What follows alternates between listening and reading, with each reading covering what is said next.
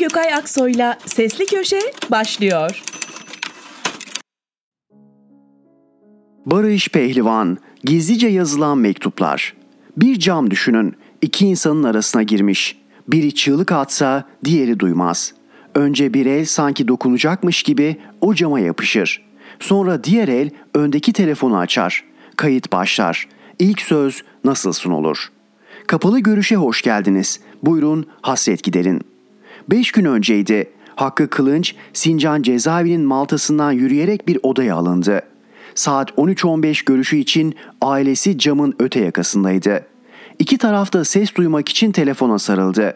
Birden 82 yaşındaki tutuklu Kılınç fenalaşmaya başladı. Sandalyesinden düşmek üzereydi. Eşi karşısında çaresiz sadece gardiyanlara haber verebildi. Aldılar götürdüler. Diğer yaşlı gözler sadece izledi. Arada cam var. Kapalı görüşe veda vakti. Hasretinizi alıp gidin. Hakkı Kılınç 28 Şubat davasının tutuklu askerlerinden biriydi. Oğlu Mehmet Koray o gün bilgisayarını açtı, CİMER'e girdi, mektubunu yazdı. Sayın Cumhurbaşkanım, sayın devlet büyüklerim diye başladı. Lütfen ömrünü vatan için adamış bu komutanların zindanlarda ölmesine müsaade etmeyiniz ve gerçek adaletin ivedi olarak tecelli etmesini sağlayınız. Sayın Cumhurbaşkanım, Sayın Adalet Bakanım diye bitirdi. Kaçıncı mektuptu bu? İlkini 30 Ağustos 2021'de posta yoluyla gönderdi. Ne tutuklu komutanların ne de ailelerin haberi vardı. Cumhurbaşkanı Erdoğan'a hitaben gizlice yazıyordu. Geçmişte size ait olan siyasi görüşü ne olursa olsun bize oy versin vermesin bu ülkenin tüm vatandaşlarını eşit mesafede kucaklayacağım sözünüzden aldığım güvenle affınıza da sığınarak bu adımı atıyorum diyordu. Amacı neydi? Şöyle anlatıyordu satırlarında. Tekrar tekrar ifade etmek istiyorum. Babam ve bu davada hüküm giymiş silah arkadaşları darbeci değildir ve bu vatana ihanet etmemişlerdir. Size bu mektubu gönderme amacım bu davayla ilgili olarak yargıda bulamadığımız hak ve adaleti yüce makamınızın yasal af gücünü kullanarak ve veya yine güçlü bir hukuk aracı olan Anayasa Mahkemesi karar sürecini hızlandırarak sağlamanız ve mağdur olmuş bu askerlere el uzatmanızdır.'' Bir büyük yalana karşı bu mektupları yazmakla sorumlu hissediyordu tutuklu askerin oğlu. 27 Aralık'taki mektubunda şöyle diyordu. Gerçekçi ve vicdan sahibi bir kişi olarak net söylüyorum, her kim ki bir suç işlemişse kesinlikle cezalandırılsın. Ancak kimin hakkı yeniyor, haksız yere cezalandırılıyorsa sesine lütfen kulak verilsin ve adalet tecelli etsin.'' Mehmet Koray Kılınç, babası gibi eski bir asker olan Milli Savunma Bakanı Hulusi Akar'a da mektup yazdı. 21 Şubat'ta kapanan o zarfın içinde bakın ne diyecekti Akar'a. Bu mektubu size gönderme amacımı şöyle açıklamak isterim. Eski bir TSK mensubusunuz. Dolayısıyla biz asker ailelerinin hassasiyetlerini iyi biliyorsunuz. O dönem için yani 1994-97 yılları arası Genelkurmay karargahında görevli ve komuta kademesine çok yakın pozisyonda kurmay bir subaydınız. Dolayısıyla ilgili sürecin yakın tanığısınız. Genelkurmay Başkanlığı yapmış ve şu anda da Türkiye Cumhuriyeti Milli Savunma Bakanı olarak bu davada hüküm giymiş askerlerin tamamını tanıyorsunuz. Bu faktörleri dikkate alarak sizin o askerler ve biz aileleri için bir ses olabileceğinizi düşündüm.'' 28 Şubat davasından hüküm giymiş askerlerin gözü kulağı Anayasa Mahkemesi'nden gelecek haberde. Zira bekledikleri ihlal kararının çıkması yeniden yargılanmaları ve özgürlüklerine kavuşmaları anlamına geliyor. Peki ne zaman? Oğul Kılınç Hulusi Akar'dan bu konuda yardım istiyordu. Anayasa Mahkemesi elindeki iş yoğunluğunu gerekçe göstererek bu dosyayı inceleme işini aylar yıllar sonrasına bırakabilir. Ancak bu insanların öyle bir zamanları yok. Hepsi sağlık sorunları yaşamaktadır ve onlar için değil aylar bir saat bile önemlidir. Bakan Akar'a mektup destek talebi bir vefa beklentisidir diye bitiyordu. Cezaevi görüşlerinde iki tarafta iyi olduğunu göstermek, karşısındakini üzmemek için rol yapar. O da bitti. İçeriden kötü haberler gelmesi an meselesi. Barış Pehlivan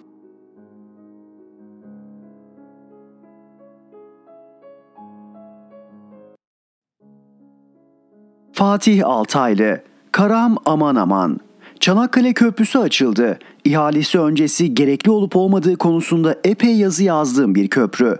Hatta ben bunları yazarken yatırıma, gelişmeye karşı mısın diye çokça da suçlandım. Hayır, yatırıma karşı falan değilim ama önceliklerin doğru belirlenmesinden yanayım dedim hep. Sonuçta yapıldı bir kere ve hayırlı olsun demek lazım.'' Tabii ki yine herkesin adlarını ezberlediği, her şeyi yapan, her şeyi alan bildik müteahhitlerden biri tarafından yapıldı. Ve sözleşmeye göre 16 yıl 2 ay 12 gün boyunca bu bildik müteahhit ve yabancı ortağı tarafından işletilecekti. Artık geçseniz de geçmeseniz de bu köprüye her gün 45 bin araçlık garanti için araç başı 15 euro ödeyeceksiniz. Günde 675 bin euro. 5912 gün boyunca her gün. Artı enflasyon tabii ki. Sadece bu yıl ödenecek para dolar kuru bugünkü düzeyinde kalırsa 4 milyar 65 milyon TL. Bu sadece köprü, köprüye giden yollarda ödenecek para ayrı.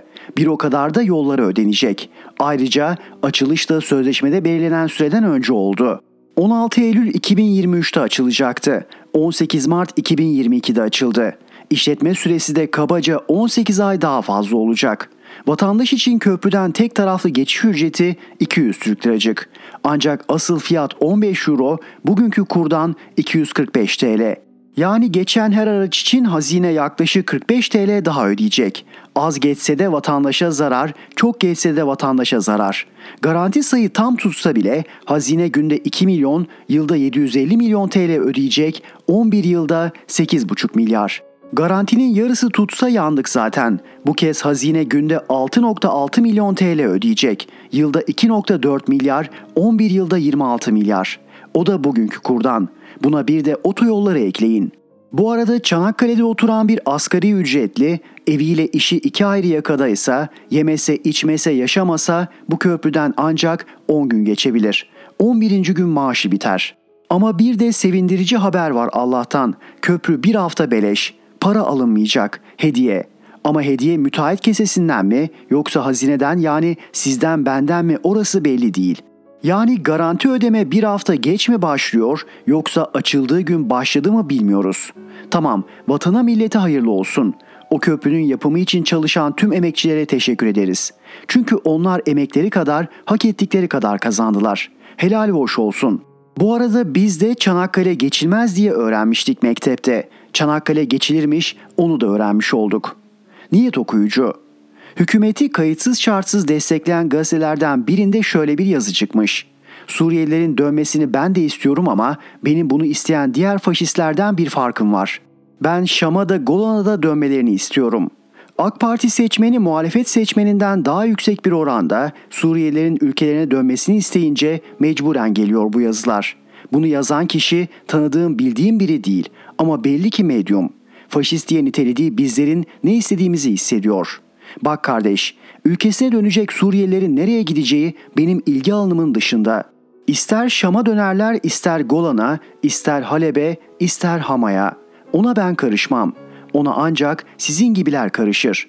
Ama söyleyeyim Şam'a hatta Golan'a dönmelerini ben de isterim.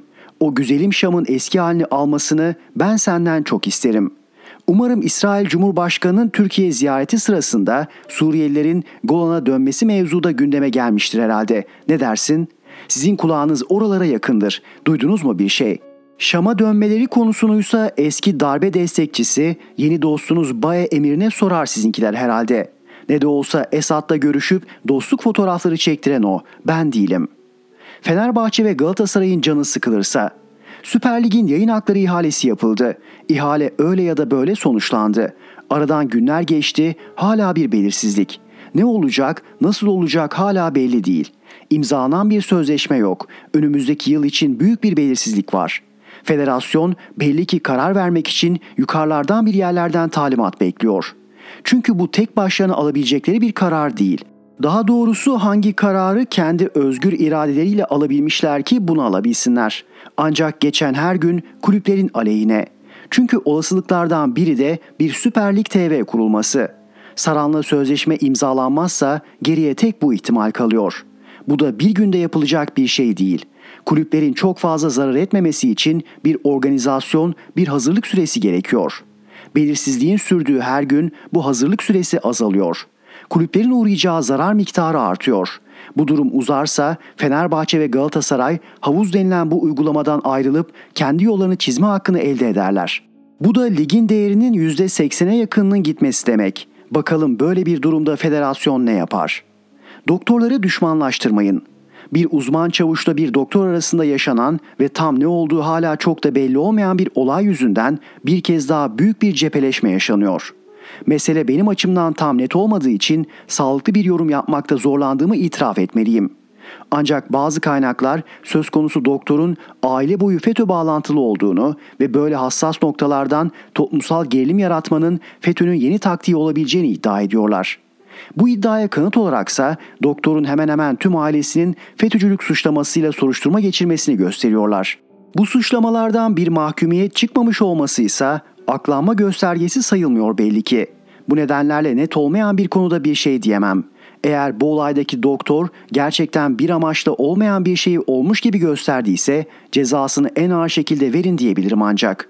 Ama bir tehlikeyi görüyorum. Toplum kendi hekimleriyle düşmanlaştırılıyor. Özellikle de toplumun bir kesimi. En kutsal mesleklerin başında gelen hekimlik ne yazık ki bilinçli bir şekilde şeytanlaştırılıyor, toplum düşmanı, bencil, kendi çıkarlarından başka bir şey düşünmeyen bir meslek grubu olarak gösterilmeye çalışılıyor. Okumuş insanlara, hele hele hekimlere karşı böyle bir düşmanlık pompalanması ve bunun devleti yönetenlerin yönlendirmesiyle yapılması hiç ama hiç doğru değil. Bu durum bana Pol Pot rejimini ve tarlalarını hatırlatıyor. Ne tarlası olduğunuysa ne siz sorun ne ben söyleyeyim. Büyüklerin bu birlikte işi yok. Galatasaray Başkanı Burak Elmas çok doğru bir laf etti. Kulüpler Birliği'nden ayrılabiliriz dedi. Ben bunu yıllardır söylüyorum. Fenerbahçe, Beşiktaş ve Galatasaray'ın Kulüpler Birliği adı verilen organizasyonda işi yok, olmamalı. Bu Kulüpler Birliği'nin kuruluş sebebi zaten bu üç kulübe karşı Anadolu kulüplerini bir araya getirmekti. Galatasaray tarihinin gelmiş geçmiş en kötü başkanlarından biri olan sevgili dostum rahmetli Özhan Canaydın bu birliğe başkan olunca birdenbire burası önemli bir hale geldi. Sonra büyük kulüp başkanlarının rotasyonla başkanlık yaptığı bir yere dönüştü. İlk kez bir büyük kulüp başkanı buradan ayrılmak gibi bir cümleyi telaffuz etti sonunda. Burak Elmas'ın söylediği çok doğrudur. En azından Fenerbahçe ve Galatasaray bu birlikten ayrılmalıdır. Çünkü burası özünde bu iki büyük kulübe karşı yapılmış bir güç birliğidir. Ne zaman adam oluruz? Başkalarına yaptığımız haksızlıkların başımıza mutlaka geldiğini unutmadığımız zaman. Fatih Altaylı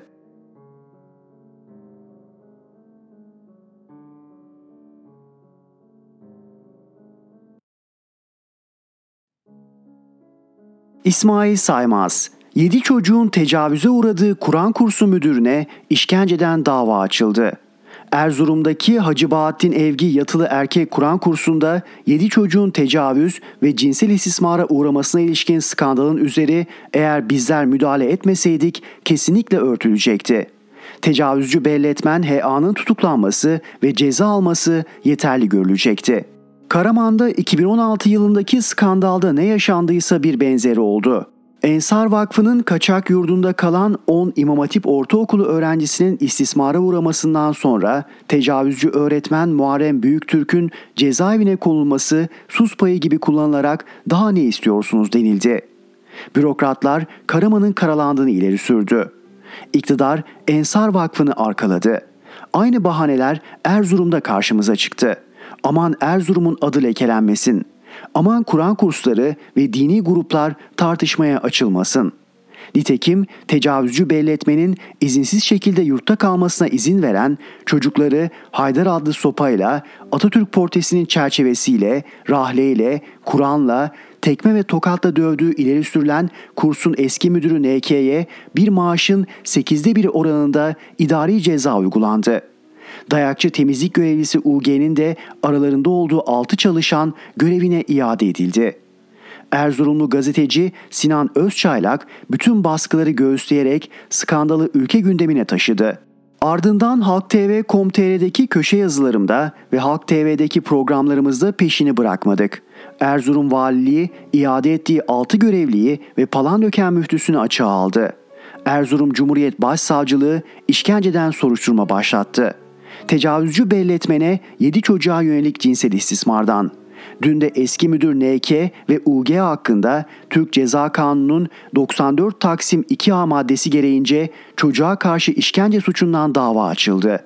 Erzurum Cumhuriyet Başsavcılığının iddianamesinde 14 çocuk mağdur sıfatıyla yer alıyor. İddianamede çocukların anlatımlarının samimi olduğu, olay, yer, zaman ve tarihlerin birbirine uyduğu belirtiliyor. NK'nin çocuklara sistematik şekilde takunya, terlik, sopa, tekme ve tokatla vurduğu, şiddetli dayak sonucunda vücutlarında morarmalar olduğu anlatılıyor. NK'nin sürekli hakaret ettiği, ailenize olup bitenlerden kesinlikle bahsetmeyin diye tembihte bulunduğu ve çocukları korkuttuğu kaydediliyor. Bu nedenle çocukların kurstaki şiddeti ailelerine anlatamadıkları vurgulanıyor. Bir çocuğun aktarması üzerine NK'nin yaşananları inkar ettiği kaydediliyor. NK'nin çocuğa karşı işkence suçunu 13 mağdura karşı işlediği iddiasıyla 104 yıldan 195 yıla kadar hapis cezası isteniyor.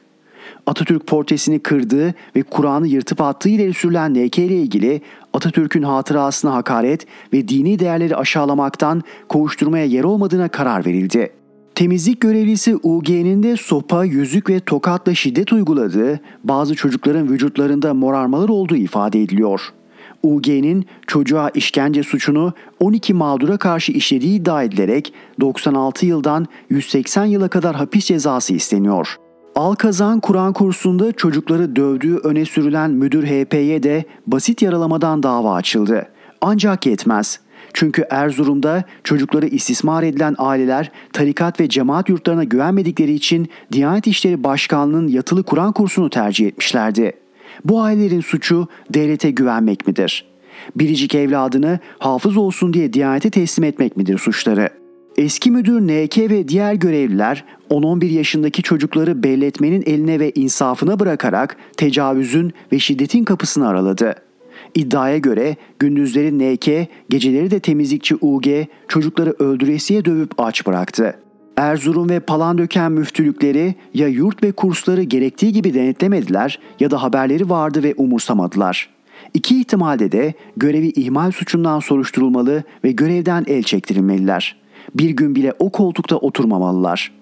Bu skandal Erzurum'da bir polis karakolunda meydana gelse, emniyet müdürü, Kışla'da gerçekleşse jandarma komutanı haritadan sürgün yeri beğeniyor olurdu.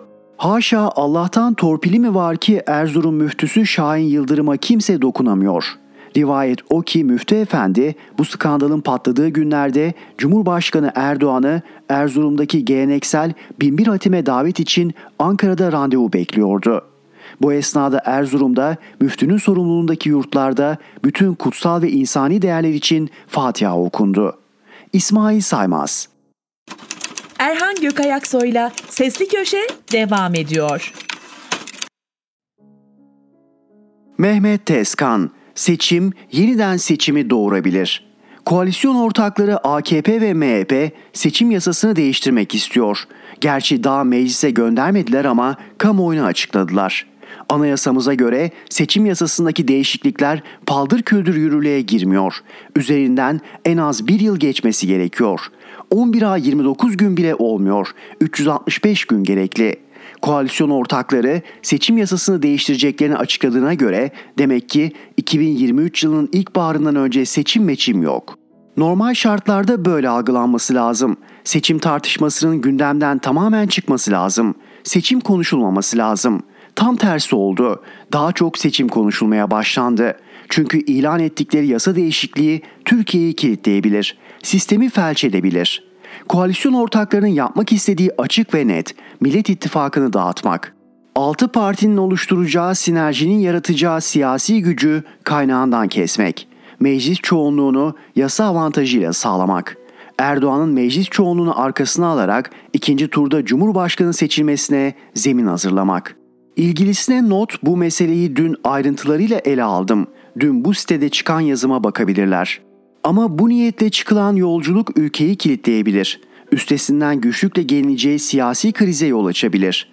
Ekonomik krizle boğuşan ve daha uzun süre boğuşacağı belli olan Türkiye'nin üzerine siyasi krize sürüklenmesi tahminlerin ötesinde erozyon yaratabilir.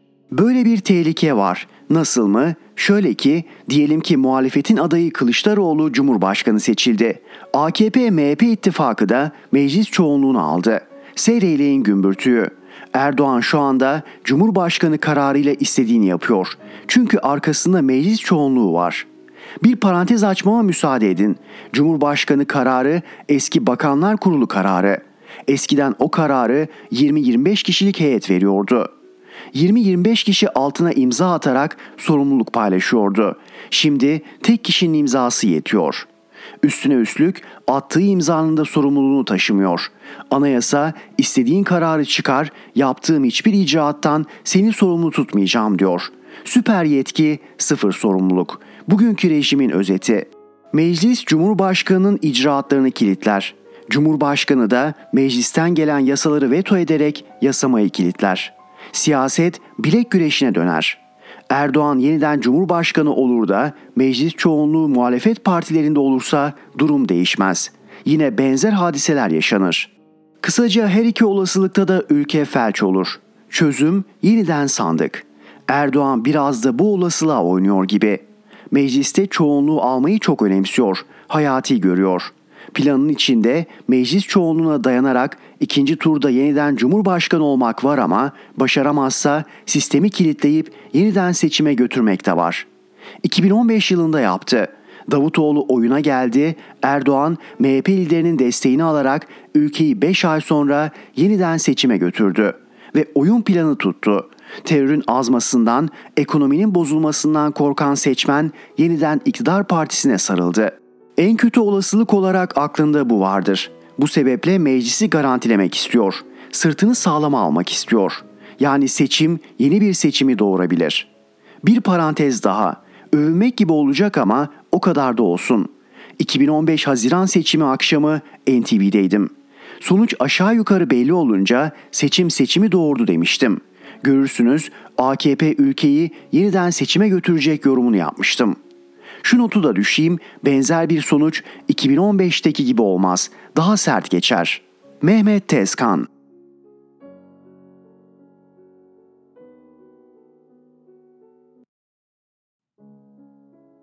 Müjdat Gezen, Atatürk Son 20 yıllık dönemde Atatürk'ü yıpratmaya çalışarak Cumhuriyeti, İsmet İnönü'yü yıpratmaya çalışarak CHP'yi sözüm ona alt etmek için büyük çaba harcadılar.'' Burada önemli olan bunları yapmaya çalışanların ne kıratta olduklarıdır. Bir tarafa Mustafa Kemal Atatürk'ü koyduğunuzda diğer tarafa müsveddesi, politikacı bozması, gerici yaratıkları dizdiğinizde ortaya çıkan resim felakettir. Karşılaştırma olanağı bile yoktur. Herkes herkesi eleştirebilir. Bu normaldir. Fakat işi hakarete vardırarak Cumhuriyet'in gerçek değerlerini nasıl ortadan kaldırabilirsiniz ki? Komiktir bu, acınasıdır. Arada bir televizyonlarda da gördük bu tipleri. Acınacak mahluklar zavallılardır. Atatürk'ün ayakkabılarını gördünüz mü hiç? Anıtkabir'de var. Şişli'deki müze evinin bir odasında var. Gidin görün. Bu küçümsemeciler o pabuçlar kadar etmez bence. Tarım ve tarıma dayalı sanayi kurmak için çırpındı durdu Atatürk. Yaşamı süresince bir bölümünü de başardı. Şimdi biz arpa, buğday ithal ediyoruz ve o ülkeler savaş halinde. Yağ sorunu da var. Akaryakıt, doğalgaz gibi diğer şart olan gereksinimlerimiz zor durumda. Ta o zamanlarda bütün bunları düşünmüş bir adamı unutmak, unutturmaya çalışmak, ıskalamak kimin haddinedir? Atatürk bizatihi bir ülke için itibar demektir, devrimdir. Bu satırlara sığmayacak kadar yücedir. Okuduğu kitapların yüzde birini bile bilmeyen, okumayan düzeysizler onu eleştirecekmiş. Hadi oradan. Halk, Uzak Doğu inançlarında belki bizim bugün bile uygulamamız gereken düşünceler var. Düşünür soruyor. Halkın yönetime itaat etmesi için ne yapmak gerekir? Muhatabı düşünür diyor ki, doğru olan şeyleri yapıp söylemek gerekir. İşte halk o zaman yönetimine itaat eder. Eğer doğru olmayanlar yüceltilirse o zaman halk itaatli olmaz. Bu 3000 yıl önceki bir diyalog. O zamanlar insanlar uygarca tartışırmış küfür, kabalık, külhan beylik, hakaret, terbiye dışı davranış yokmuş karşılıklı söylemlerde. Tıpkı günümüzdeki gibi. Düşüncenin, fikirlerin, eleştirinin ayağa düştüğü günümüzde Amerika'sından Türkiye'sine kadar dil bozuldu. Diplomasi dili diye bir şey vardı eskiden. Felsefe dili diye bir şey vardı. Hepsi uçtu gitti ve yerine küfür, hakaret, çirkinlikler geldi. Çünkü yönetenlere ve geldikleri kültüre baktığınızda bunun nedenini açıkça görebiliyorsunuz. Sevgisiz ve saygısız büyüyenler dünyayı bu hale getirdiler. Üzülüyor insan. En sevmediğim şeyleri söylemek gücüme gidiyor ama insan söylemek zorunda kalıyor işte. Bizim zamanımızda böyle değildi. Biz anamızdan babamızdan da böyle görmedik. Metin Yazılı şey, kuvvetli olma işi, özel isim. Metin pek çok anlam içerir. Bence altı parti yazdıkları metni bir kez daha gözden geçirdiklerinde ortaya çıkacak olan metin daha kapsamlı olacaktır. Üzerinde iyi niyetli bir çalışma yapıldığına inananlardanım. Altı değişik fikrin bir araya gelebilmesi bile bir güzelliktir. Böyle şeyleri eleştirmek bize düşmez. Sadece iyi okunduğunda başkalarının kötü niyetle kullanmalarına yol açar gibi gelmişti bana. Doğru da olabilir yanlış da benim bu düşüncem ama iyi niyetli oldukları muhakkak. Sonu iyi olsun isterim. Malta. Şimdi Malta adasında olsam mesela gemiden topluca insek. Mustafa Alabora hızlı adımlarla en önde yürüse. Arkada ben ve Leyla. En arkada gayet yavaş adımlarla Kandemir Konduk ve eşi. Mustafa her gün 6-7 kilometre yürüdüğü için hızlı biri. Ben bel fıtığından dolayı çok yürüyemiyorum. Kandemir'in öyle bir sorunu yok. O aceleyi yavaş yapıyor o kadar. Gemiden yavaş iniyor, arabaya yavaş biniyor, yolda yavaş yürüyor. Hayatı böyle. AS'te bir adam ama sevimli. Mustafa fazla hızlı ama Malta adası insanı rahatlatıcı bir atmosfere sahip. Rahatlıyorsunuz orada. Bir restoranda oturup roze bir yudum şarap iyi geliyor insana. Bunu istemem çok şey değil. Çünkü yoruldum ben. Biraz dinlenmek istiyorum. Orta hızdaki adımlarla orta boy bir bardakta orta şiddete bir roze şarabı çok görmeyin. Yanında az peynir ve bir dilimde pizza olsa hele yeme de gitsin. Ye de gitsin daha iyi. Bunu yapmayı çok istiyorum. Şu korona sona erse de yapsak. Bakalım nasıl olacak bu isteğim. Olur inşallah. Olsun inşallah. İşimiz inşallah maşallah kaldı artık. Hadi git artık korona. Hadi gel artık ilkbahar. Rus besteciler ve yazarlar Çarlık Rusyası'nın eserleridir. Avrupa ülkelerinin bazıları bu ünlü sanatçıları yasaklamış. Avrupa'da aptallaşıyor galiba. Müjdat Gezen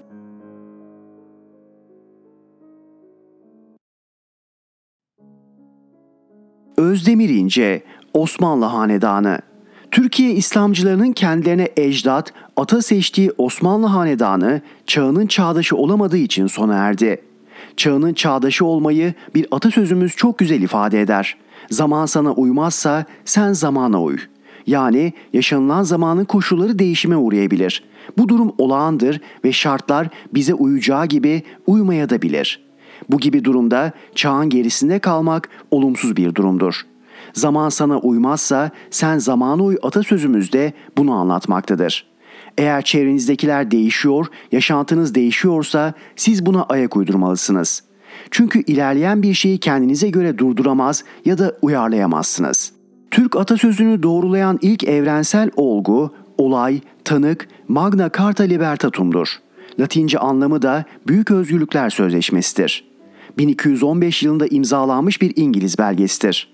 Bu belgeyle İngiltere kralının yetkilerinin birkaçından feragat etmesi, yasalara uygun davranması ve hukukun arzu ve isteklerinden daha üstün olduğunu kabul etmesi zorunlu kılınarak İngiltere tarihinde kralın yetkileri ilk kez kısıtlanmış ve derebeylere bazı haklar tanınmıştır. Magna Carta günümüzdeki anayasal düzene ulaşana kadar yaşanılan tarihsel sürecin en önemli basamaklarından birisidir. Senedi İttifak Osmanlı Sadrazamı Alemdar Mustafa Paşa'nın Rumeli ve Anadolu ayanlarını İstanbul'da toplayarak yapmış olduğu anayasal bazı özellikleri içeren bir antlaşmadır. Ancak yalnız kalan Alemdar Mustafa Paşa 15 Kasım 18 Kasım 1808'de ortaya çıkan Yeniçeri isyanının ilk gününde barut mahzenini ateşleyerek 600 kadar isyancıyla birlikte öldü. Anayasa hukukçuları Türk tarihindeki ilk anayasal belge olarak genellikle Senedi İttifakı kabul ederler ve Türkiye'deki anayasacılık hareketlerini bununla başlatırlar. Devlet iktidarını sınırlandırmayı amaçlayan bir girişim olarak bu belgeyi 1215 yılında İngiltere'de kabul edilen İngiliz Magna Carta'sına benzetenler de vardır.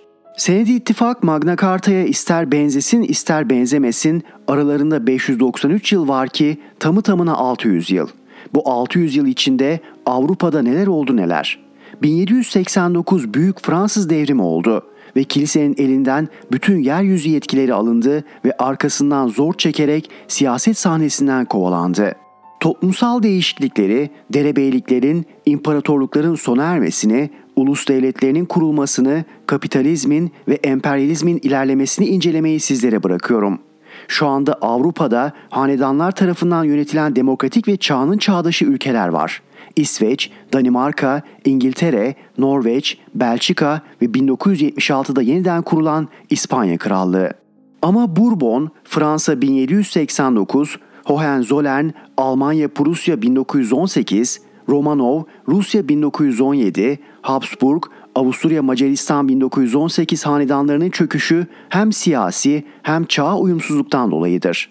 Aslına bakarsanız Osmanlı Hanedanı da 1918 yılında ve kesin olarak da Sevr Antlaşması'yla sona erdi. İkinci Abdülhamit 31 Ağustos 1876'da tahta çıktığında Balkanlarda ayaklanmalar başlamış Rus İmparatorluğu Osmanlı'ya bir ultimatom vermişti.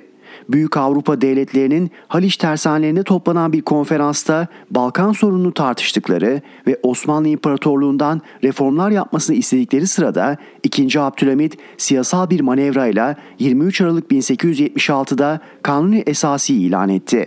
Böylece birinci meşrutiyet dönemi başladı. 1876 Anayasası olarak da bilinen Kanuni Esası aslında padişahın egemenlik haklarına bir kısıtlama getirmiyordu. Yürütme yetkisini tümüyle elinde tutan padişah, sadrazam ve vekilleri istediği gibi atayıp görevden alabiliyordu. Meclisin vekiller üzerinde tıpkı bugünkü gibi denetim yetkisi yoktu. Padişah savaş ve barış yapma, istediğinde meclisi kapatma ve yeniden seçimlere götürme yetkisine de sahipti. Ama bu pek muhterem ecdat 18 Şubat 1878 günü kanuni esasi süresiz yürürlükten kaldırdı ve böylece meclis mebusanı kapatan hanedan siyasal olarak yaşama olanağını kaybetti. Çağının çağdaşı olmayı beceremeyen bir hanedanın sona ermesi çok doğaldır. Osmanlı Hanedanı'nın sona ermesinin Osmanlı Devleti'nin yıkılmasının siyasal sorumlusu 2. Abdülhamit'tir aklı başında bir adam olsaydı ülkenin layık ve demokratik olması koşuluyla Osmanlı Hanedanı da şu anda yaşamakta olan Avrupa hanedanlarından biri olabilirdi. Özdemir İnce Erhan Gökayaksoy'la Sesli Köşe devam ediyor. Rifat Serdaroğlu Bunlar mı demokrasi getirecek? AKP ve MHP Kur'an eğitim merkezleri ve Diyanet Akademisi Kanunu sonunda yasalaştırdı. Yasa 298 kabul oyuna karşılık 0 ret oyuyla kabul edildi. 22 CHP'li milletvekili ve 12 İyi Partili milletvekili de kabul oyu kullandı. Görmeyen gözlere, duymayan kulaklara, çalışmayan beyinlere yaklaşan felaketi gösterebilmek üzere bazı değerlendirmelerimizi paylaşmak isterim. Hümeyni'nin Türkiye ajanı Ali Ekber Mehdipur'un en yakın iki dostu Recep Tayyip Erdoğan ve Metin Külünk'tü. Uyuşturucu kaçakçısı El-Kaide terör örgütünün iki numaralı adamı Gülbettin Hikmetyar'ın dizinin dibine oturan kişi Erdoğan'dı. Yeşil sancakların açıldığı, İstiklal Marşı okunurken oturulduğu Konya mitingini Erdoğan düzenlemişti. AKP'nin siyasi geçmişindeki tüm partiler Anayasa Mahkemesi tarafından kapatıldı. 2008'de AKP ceza aldı, mahkum edildi. AKP 20 yıldır Emevi din anlayışını yerleştirmeye çalıştı. Geldisi böyle olan kişinin gideceği yer Hümeyni rejimidir. Çünkü başka bir yol bilmez. Askeri harp okulları kapatılıp Milli Güvenlik Akademisi kuruldu. Başına da bir FETÖ'cü getirildi. Bu akademide kurulması düşünülen İran benzeri din devletinde görev yapacak subaylar yetiştiriliyor. Yapılan törenlerde üniformalı imamları görüyoruz. Harp okullarında her yıl yoklamada Mustafa Kemal Atatürk'ün apolet numarası olan 1283 okunduğunda tüm öğrenciler ayağa kalkar ve içimizde diye bağırırdı. Bu yıl çok sayıda öğrenci yerinden kalkmadı. İlk kez askeri bir okulda Atatürk'e açıkça hakaret edildi, saygısızlık yapıldı. Aslan ve Sadat Erdoğan'ın baş danışmanı tarafından yönetilir. Bu iki kurumdan biri İslam Anayasası ve İslami devlet yapısı hazırlığı için çalışır, diğeri de silahlı adam öldürme kabiliyeti olan din polisi celladı yetiştirir. CHP ve İyi Parti'nin karşı çıkmadığı, aksine kabul oyu vererek desteklediği Diyanet Akademisi de din devletini yönetecek Enderun benzeri bir yer olacaktır. Burada yetiştirilecek gençler dinler arası diyalog, tek din uydurmasıyla emperyalist devletlerin emrine girecek, milli yönleri törpülenmiş sözde Şeyhülislam adayları olacaktır. Bizim vergilerimizle maaş alan, devletimizin kurucusu Büyük Atatürk'e lanet okuyacak kadar gözü dönmüş Diyanet İşleri Başkanı da yüz milyonlarca dolar paramızı dünyadaki Müslüman devletlere dağıtmakta, ileride halifelik makamına destek sağlamaya çalışmaktadır. AKP, MHP, BBP, Perinçek işbirliği olan Cumhur İttifakı'nın hedefinin 2023 yılında bir din devletine geçmek olduğu artık açıkça belli olmuştur. Peki bu ittifakın karşısına çıkan ülkeyi güçlendirilmiş demokratik parlamenter rejime döndüreceğini söyleyen Millet İttifakı ne yapıyor? AKP'nin tüm suçlarına ortak olmuş milleti salak yerine koyup kurtarıcı rolüne bürünmüş iki adet parti, bir adet Milli Görüş Partisi, bir adet iyi bir FETÖ'cü parti, bir adet Said Nursi'yi önder kabul eden Nurcu Parti, bir adet de Atatürk'e küfredenleri bünyesinde toplayan, Türkiye'de Öcalan'ın heykelini dikeceğim diyen PKK'lıyı hapiste ziyaret edeni başdanışman yapan parti. Demokrasinin olmazsa olmaz şartı laiklik ilkesinde anlaşamayanlar mı ülkeye demokrasiyi getirecek? Ağustos ayında kırmızı renkli kar yağarsa bunlar da Türkiye'ye demokrasi ve özgürlük getirir. Geliyor gelmekte olan dedikleri sakın Federe İslam Devleti olmasın. Bu yorumları arkadaş siz de kimseyi beğenmiyorsunuz deyip bizi bunlarla ittifak yapmaya zorlamak bizi ve Türk milletini tanımamaktır. Doğru Parti işte bu sebepten kuruldu. Bizler Türk milletine doğruları söylemeye söz verdik. Atatürk ilke ve devrimlerinin yeniden çağdaş Türk devletine hakim olması ilk hedefimizdir. Kafamız berrak, gönlümüz rahat. Doğruları haykırmaya devam edeceğiz. Rifat Serdaroğlu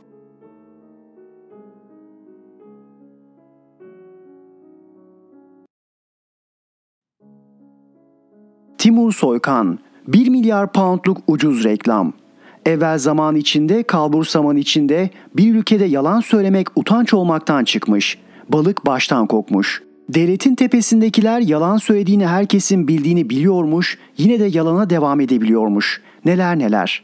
Mesela Cumhurbaşkanı kendi iktidarından 30 yıl önce yapılan havalimanı, üniversite, yol için biz yaptık diyebilirmiş. Kendi iktidarından önce ambulansla buzdolabının olmadığını bile söylemiş.'' Ekonomi Bakanı halk enflasyon altında inlerken gözlerindeki ışıltıyla ekonomimiz şahlandı diye konuşabilirmiş. Sanayi ve Teknoloji Bakanı Ay'a sert iniş yapılacağını anlatır, Tarım Bakanı kan ağlayan çiftçinin mutluluk gözyaşları döktüğünü söylermiş. İçişleri Bakanı durur mu? Her gün birini terörist ilan eder, ertesi gün yalan çıkınca yeni teröristleri sıralarmış. Bu ülkede yalancının mumu hep yatsıya kadar yanmış ama suratı hiç kızarmamış.'' Zamanla yalan ayıp olmaktan çıkmış, insanlık utanması olmayan yalancılar karşısında çaresiz kalmış. Keşke masal olsa. Bu yalan dünyanın gerçek reklamını ihraç ettik dünyaya. Ukrayna Savaşı sebebiyle Rus oligarkların mallarına el konulurken Roman Abramovich İngiltere Premier Lig'in efsane takımı Chelsea'yi satışa çıkardı. AB Grup Holding'in sahibi Muhsin Bayrak, Chelsea'yi almak için 1 milyar pound nakit teklif ettim diyerek çıktı sahneye. 1 milyar pound yani tam 20 milyar TL ve çok ucuz bir reklam taktiği. Muhsin Bayrak arama motorlarında en çok aranan isimlerden oldu. Sosyal medyada rüzgar gibi esti. Bu noktada yalan rüzgarı karşısında yeni medya düzeyinin çaresizliği devreye girdi. Tık yarışındaki haber siteleri Muhsin Bayrak kimdir başlıklarıyla hemen ilgiye üşüştü. Vergi rekortmenleri listesinde hiç görülmemiş Muhsin Bayrak medya sayesinde bir günde 1 milyar poundluk adam oldu. Tam bu sırada AB Grup Holding'in paralı reklamları televizyonlarda dönmeye başladı. Birkaç inşaat projesinden sonra asıl niyet şirketin kripto para borsası duyuruluyordu. Uluslararası haber ajansı Reuters, CNN International'la İngiltere'nin köklü gazetelerinden The Guardian bile düştü tuzağa. Sülün Osman görse şapka çıkarırdı. Pek çok kişi Muhsin Bayrak'ın bir oligarkın emanetçisi olabileceğini düşündü yazdı. Bir fotoğrafında Türkiye'de tek olan 650 bin euroluk otomobilin önünde poz vermişti. Sezgin Baran Korkmaz'ın tezgahını araştırırken çok yakınındaki bir ismin söyledikleri geldi aklıma. Birinci kural çok zengin görüneceksin. İkincisi arkanda siyasetçilerin olduğunu düşündüreceksin. Bunlar hiç zor değil Türkiye'de. Muhsin Bayrak'ın hayatı da ayakkabı boyacılığından SBK Holding patronuna uzanan hikayeye çok benziyordu. Medyanın hoşuna gitmesi için özenle hazırlanmıştı. 2016'daki bir röportajda anlattığına göre 1975'te Bitlis Mutki'ye bağlı Direktaşı köyünde doğdu. Babası 7 köyün ağasıydı. 1990'larda PKK yüzünden tüm varlıklarını bırakıp bir panelvana 12 kişi doluşarak İstanbul'un yolunu tuttular. İnşaatlarda çalışmak için yanlarına kazma kürek almışlardı. Sonrası birkaç cümle. İnşaatlarda çalışıp kendi inşaat şirketlerini kurdular, otogaleri açtılar. Muhsin Bayrak röportajda anlatmaya devam ediyordu. AB Grup Holding bünyesinde 10 şirket var. 200'ü aşkın proje yaptık. Rakamlarla oynamayı her zaman sevmişti patron ama gerçekten Nişantaşı ve Bodrum'da inşaat projeleri vardı. 2015'te dilinden düşürmediği projesi ise bugünlerin ipucunu veriyordu. İstanbul Basın Ekspres Caddesi'nde 4 kuleden oluşan Bayrak Towers'ı 350 milyon dolar yatırımla inşa edeceğini anlatıyordu. İnşaat başlamadan bir kuleyi Suudi Arabistanlı yatırımcılara 50 milyon euroya sattığını söylemişti. 1600 konutluk proje New York'ta mimarlara çizdiriliyordu. Gökdeğinin tepesinde dev dijital Türk bayrağı olacaktı. Hatta bir röportaj videosunda Muhsin Bayrak projesini anlatırken Bayrak Tower diyor, yanındaki kişi Bayrak Towers diye düzeltince ters ters bakıyor. Ama halen Bayrak Towers diye bir bina bulunmuyor. 1 milyar poundluk bedava reklam stratejisine giden yolun izleri bununla sınırlı değil. Mesela Muhsin Bayrak her yerde 500 bin kişilik Mutki aşiretinin başında olduğunu söylüyor. 500 bin kişi. 1 milyar pound kadar inanılmaz. Zaten ne Mutki aşiretinin 500 bin mensubu var ne de o aşiretten Muhsin Bayrak'ı tanıyan 500 kişi. Ama olsun yalandan kim ölmüş? Geriye kalıyor siyasi destek. Muhsin Bayrak sık sık AKP iktidarını öven açıklamalar yapmıştı. Milyonlarca liralık yatırım hikayelerinin arasına mutlaka iktidara teşekkürlerini sıkıştırdı. 18 Mart 2019 tarihli DEHA haberinin başlığı ise şöyleydi. Mutki aşiretinin lideri Muhsin Bayrak'tan Binali Yıldırım'a tam destek. Muhsin Bayrak haberde şöyle diyor. İstanbul'u ancak tecrübeli bir siyasetçi yönetebilir. Aile üyelerimizle yaptığımız toplantıda bu ismin Binali Yıldırım olduğuna ve kendisini desteklemeye karar verdik. Sonuç malum, yenilgi olunca 500 bin kişinin ağası suskun. Ama hayali büyük parayla bedava reklam stratejisinin en önemli işareti ABD başkanlık seçimlerinden sonra gelmiş. 13 Nisan 2021'deki haber şöyle. ABD'de resmi konutuna taşınacağı için Washington DC'deki dairesini satışa çıkaran ABD Başkan Yardımcısı Kamala Harris'in evine en yüksek teklif iş insanı Muhsin Bayrak'tan geldi. Bayrak, pazarlıklar bitmek üzere yakında imzaları atacağız dedi. Ev 2 milyon dolardan satışa çıkarılmıştı. Sonra mı? Bir haber yok. Ama Chelsea hikayesine ilham verdiği kesin. Nihayetinde Chelsea için teklif süresi cuma günü doldu. Teklif veren dünyanın sayılı 3 şirketi arasında tabii ki AB Grup Holding yani Muhsin Bayrak yoktu. Zaten bu reklam stratejisinin en avantajlı kısmı kolayca sıyrılmaktı. Daha önce Abramovich ile yakın temasta olduğunu anlatan Muhsin Bayrak, avukatlarının bir hatası sebebiyle teklif veremediklerini söyledi. İddiaya göre şirket avukatları yanlış adrese e-mail göndermişti. Muhsin Bayrak Reuters'e yaptığı açıklamada çok üzgünüm dedi. Aslında medya bu ucuz reklam kampanyasına alet olduğu için çok üzgün olmalı. Muhsin Bayrak olayı haberin ilgiyi değil, ilginin haberi oluşturduğu yeni medya düzenini çok net ortaya koydu. Sosyal medyadan beslenen medyanın tık yarışında gerçek ve doğru haber önemini yitiriyor, habercinin akıl ve arşiv süzgeçleri tamamen ortadan kalkabiliyor. Üstelik gazeteci güvenilirliğine büyük gedik açan bu tuzağa sadece bir kısım değil tüm medya düşüyor. Yalanın ayıp olmaktan çıktığı ülkenin medyasında bu açığı bulan dolandırıcılar cirit atıyor. Timur Soykan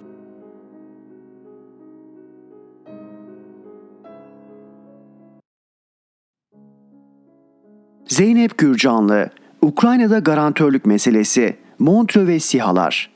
Rusya'nın Ukrayna işgali karşısında AK Parti hükümetinin izlediği aktif diplomasi, Türkiye'yi üzerinde çok düşünülmesi gereken bir öneriyle karşı karşıya bıraktı. Garantörlük. Moskova-Kiev arasında mekik okuyan, aralarında Dışişleri Bakanı Mevlüt Çavuşoğlu'nun da bulunduğu arabulucular sayesinde iki taraf arasında ateşkes ve uzlaşma için genel şartlar ortaya çıkmaya başladı. Bunlar kabaca Ukrayna'nın resmen tarafsız ülke konumuna yerleştirilmesi ve silahsızlandırılması. Böylece Ukrayna'nın NATO ya da bir başka savunma ittifakına üye olma olasılığı tamamen ortadan kalkmış olacak. Böylece Moskova'nın isteği gerçekleşecek. Ukrayna'nın güvenliğinin BM Güvenlik Konseyi'nin 5 daimi üyesi ABD, İngiltere, Fransa, Çin, Rusya ile Türkiye ve Almanya'nın garantörlüğüne bırakılması. Bu şartsa Ukrayna'nın isteğini içeriyor. Kabul edilmesi halinde ise Ukrayna bir anlamda arka kapıdan NATO'ya üye yapılmış oluyor. Rusya'nın gelecekteki herhangi yeni bir saldırganlığına karşılık başta ABD olmak üzere Batı ülkelerinin kendilerine savaş açılmış gibi hareket etmelerinin önü açılmış olacak. Ukrayna Kırım'ın Rusya'ya ilhakını tanıyacak. Bu madde Rusya'nın talebi. Henüz Kiev yönetiminin bunu kabul ettiğine ilişkin bir işaret yok. Donbas bölgesinin geleceğinde burada yaşayan halkın istekleri gözetilecek. Bölge halkının büyük çoğunluğunun Rusya yanlısı olduğu düşünüldüğünde kabul edilmesi halinde Donbas'ın Ukrayna ile bağlarının kopacağını öngörmek yanlış olmaz. Ukrayna yönetiminin BM Güvenlik Konseyi üyelerinin yanı sıra neden özellikle Türkiye'nin de garantörlüğü konusunda ısrar ettiği üzerinde durmakta fayda var. Soru şu, Rusya'nın gelecekte silahsızlandırılmış, tarafsız bir Ukrayna'ya olası bir saldırısı halinde ABD'nin, İngiltere'nin ya da Fransa'nın garantörlüğü neden yetmiyor da mutlaka Türkiye'nin garantörlüğü de isteniyor. Bu ısrar Ankara'daki diplomatik çevrelerde Montreux Sözleşmesi'ne bağlanmış durumda. Rusya'nın Ukrayna'yı işgalinin daha ilk günlerinde Kiev yönetimi Montreux'ün savaş koşullarının uygulanmasını istemişti Türkiye'den. Nitekim ilk günlerde yaşananları savaş olarak tanımlamaktan çekinse de Ankara'nın tavrı ABD başta olmak üzere batıdan da aynı yönde baskı gelmeye başlayınca değişmişti. AK Parti hükümeti savaş tanımını yapıp Montreux Antlaşması'nın savaşan tarafların boğazları kullanmasını kısıtlayan 19. maddesini resmen yürürlüğe koymuştu. Montreux Antlaşması'nda Türkiye'nin savaşa girmesi halinde uygulanacak çok daha kısıtlayıcı maddeleri de var. Ankara'daki hava Ukrayna hükümetinin Türkiye'nin savunma garantisini bu yüzden istediği yönünde. Eğer gelecekte savunması Türkiye'nin garantisi altındaki Ukrayna herhangi bir saldırıya uğrarsa bu saldırı Türkiye'ye de yapılmış sayılacak ve Türkiye doğrudan Montreux'ün savaşan tarafı haline gelerek boğazlardaki tüm yetkiyi üzerine alacak. Montreux'ün kıyıdaş ülke savaş gemilerinin bağlı bulundukları Karadeniz'deki limanlara dönmelerinin önü tamamen kapanacak. Belli ki Ukrayna, Montreux'ün savaş koşullarının uygulanmasını Türkiye'deki hükümetlerin tercihlerine bırakmak istemiyor. Olası anlaşmanın Türkiye'yi çok yakından ilgilendiren bir başka kısmı ise Ukrayna'nın silahsızlandırılması. Bu durum Ankara ile Kiev arasında son birkaç yıl içinde iyice derinleşen savunma sanayi işbirliğini doğrudan etkilemeye aday. Türkiye'nin Ukrayna'ya sattığı sihalar uluslararası kamuoyunda çok dikkat çekmişti. Ankara sihalar konusunda Ukrayna ile ortak üretime varabilecek anlaşmalar da imzalamıştı. Ukrayna'nın silahsızlandırıldığı bir ortamda bu tip savunma işbirliği, ortak savunma sanayi kurma anlaşmalarının da kadük hale gelmesi büyük olasılık. Son olarak bir de Batı basını tarafından ortaya atılan S-400 meselesi üzerine de durmak gerekiyor. Amerikan basını Washington yönetiminin Ankara'dan Rusya'dan aldığı S-400'leri Ukrayna'ya vermesini, böylece ABD'nin yaptırımlarından da kurtulmasını önerdiğini yazıp çiziyor son birkaç gündür. Böyle bir olasılığın gerçekleşme ihtimali konusunda Rusya'nın S-400'ler konusunda yaptığı önceki açıklamalara bakmakta fayda var.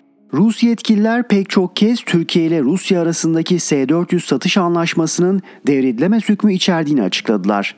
Yani Ankara'nın Rusya'nın resmi onayını almadan S-400'leri herhangi bir üçüncü ülkeye göndermesi anlaşma hükümleri gereğince mümkün değil. Moskova'nın işgal ettiği ülkeye S-400 savunma füzesi verilmesini onaylama ihtimalinin ise gerçeklikle ilgisi yok. Türkiye'nin ise Moskova'nın onayı olmadan sırf Amerikan yaptırımlarından kurtulmak için S-400'leri Ukrayna'ya verme olasılığı ise Rusya'yı doğrudan karşıya almak anlamına geldiği için mümkün görünmüyor. ABD yönetiminin batı basınıyla el ele vererek suyu bulandırma çabası olarak okumak gerekiyor S-400 mevzusunu. Zeynep Gürcanlı Erhan Gökayaksoy'la Sesli Köşe sona erdi.